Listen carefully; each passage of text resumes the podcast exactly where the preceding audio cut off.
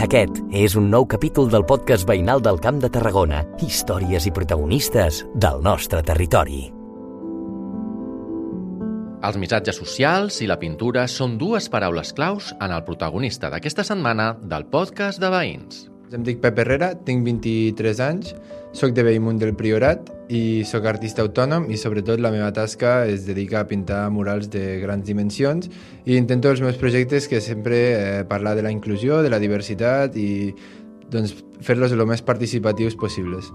Pep Herrera, un jove artista que de petit ja tenia clar i va descobrir que les arts plàstiques eren lo seu. Jo crec que ja des de ben petit m'interessava molt tota la part creativa i la part artística. Ja com a extraescolar sempre anava a un taller d'arts plàstiques on dibuixàvem, pintàvem, modelàvem... Així que jo crec que la creativitat és algo que porto des de, des de fa molt de temps. Partint d'aquí, en Pep encarrila els seus estudis.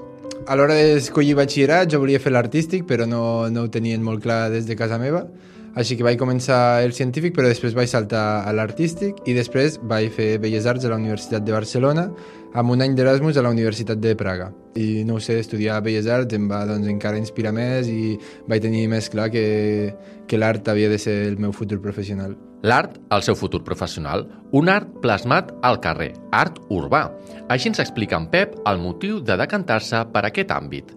Bueno, crec que el pintar al carrer sempre va ser algo que me cridava molt més, que no pas treballar en un estudi sol, pintant, és algo com que ho sentia molt, molt aïllat de, de la realitat i sempre m'ha interessat molt més el que és pintar al carrer, estar a prop dels veïns, veure quina és la reacció de la gent a les meves peces. Jo portava pintant grafiti des dels 15 anys i va ser cap als 17-18 que vaig començar a fer murals participatius amb joves del barri, amb escoles, amb instituts i vaig veure que això era algo com que, que m'interessava no només pel resultat sinó per tot el, el procediment, no? per fer la gent partícip de, de, de la meva pròpia obra i aconseguir peces que la gent es sentia relacionada i que per tant tenien un impacte més gran encara i una mica això és la, la carrera que estic desenvolupant, no? intentar apropar l'art urbà a la gent a través d'això, de projectes participatius i crec que està tenint una rebuda bastant bona.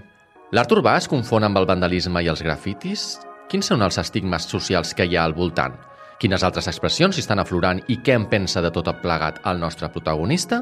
Bueno, crec que eh, l'espai públic és un espai completament democràtic, qualsevol hi pot treballar, no? d'una forma més vandàlica o d'una forma més organitzada o més eh, acordada, però crec que m'agrada com que el propi espai públic doncs, tingui aquest diàleg, no? que qualsevol que s'hi vulgui expressar eh, té, una, té una finestra a, a fer-ho. Des del meu punt de vista, a mi m'agrada treure, m'agradaria treure aquest estigma de l'art urbà, no? m'agradaria mostrar que a través d'un mural o a través de d'un grafiti artístic, doncs se li pot donar més valor a un edifici, podem transformar un espai que possiblement està en desús o que possiblement fa molt de temps que està abandonat en una obra d'art en la que la gent s'hi pot sentir relacionada i que pot explicar una història.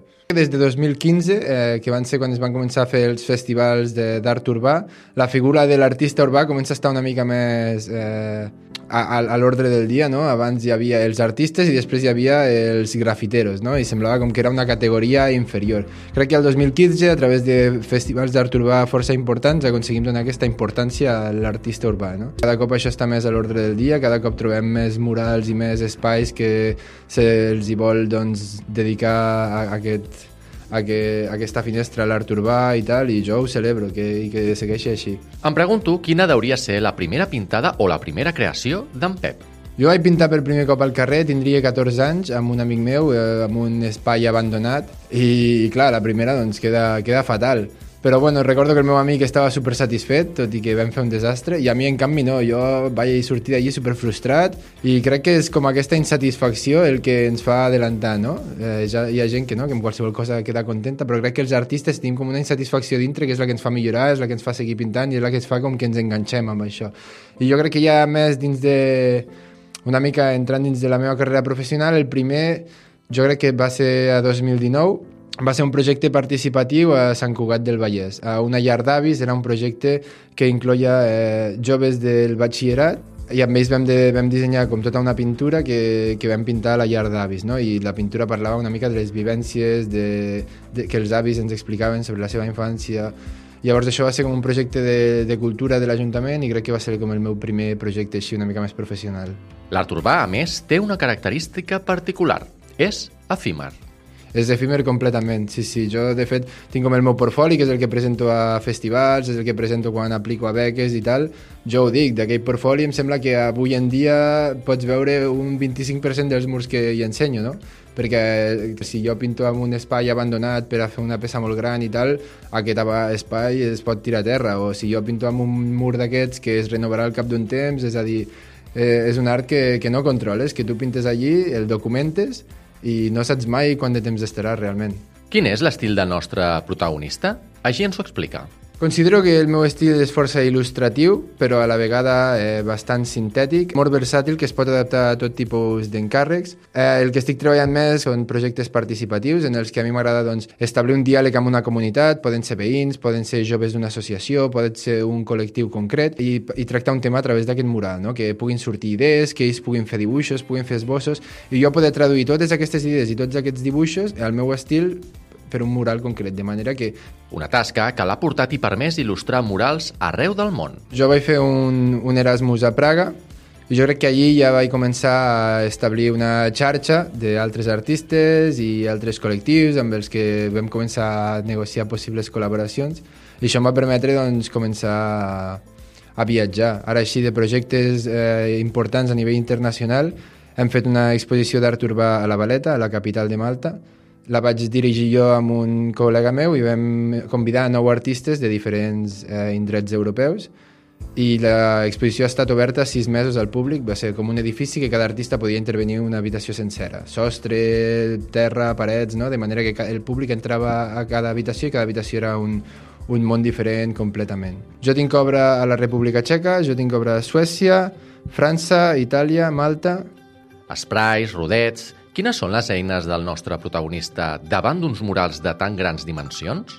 Crec que cada espai necessita una tècnica diferent i treballem tant sprays com pintura plàstica, com poden ser rodets o pinzells, no? la mateixa pintura que utilitzaríem per pintar una façana.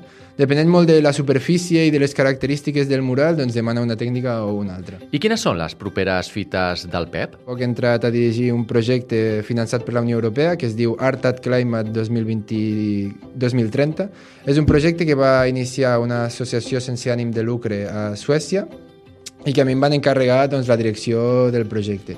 Al, amb aquest projecte pintarem 10 murals eh, al llarg de, de diferents països europeus i bàsicament és un projecte que està pensat per a parlar de lluites locals eh, sobre el canvi climàtic i sobre la preservació de la natura i la fauna Llavors, a través d'aquests murals volem doncs, donar veu a ONGs que estiguin duent a, tasca una, duent a terme una tasca important en aquests països i poder-los donar veu a això a través de, de murals i que sigui un projecte doncs, que englobi diferents països.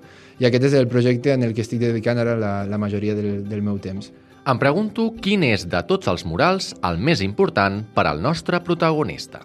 Bueno, aquest estiu he pintat eh, el, el mural més important de la meva carrera, sens dubte, Eh, he tingut la sort de pintar-lo al Priorat, la, la terra d'on vinc, i va ser un encàrrec de l'empresa eh, TPP Domènec, eh, és una empresa de transports públics, d'autocars sobretot, i bueno, doncs la seva nova nau, la seva nova seu, és una nau industrial, tenien una façana de 200 metres quadrats, o sigui, és un mural gran com tot un edifici i això, el vam fer aquest estiu i per mi va ser molt simbòlic poder pintar a la meva terra, al Priorat, no? perquè jo crec que la meva família no tenia molt clar encara ben bé a què em dedicaven perquè no havien pogut veure en directe gaires murals meus i poder-los ensenyar i que veguin el procés d'una obra tan gran pintada al nostre territori per mi va ser molt important i, i sí, sens dubte aquest ha estat el projecte que tinc per ara més, més important i més simbòlic, sí.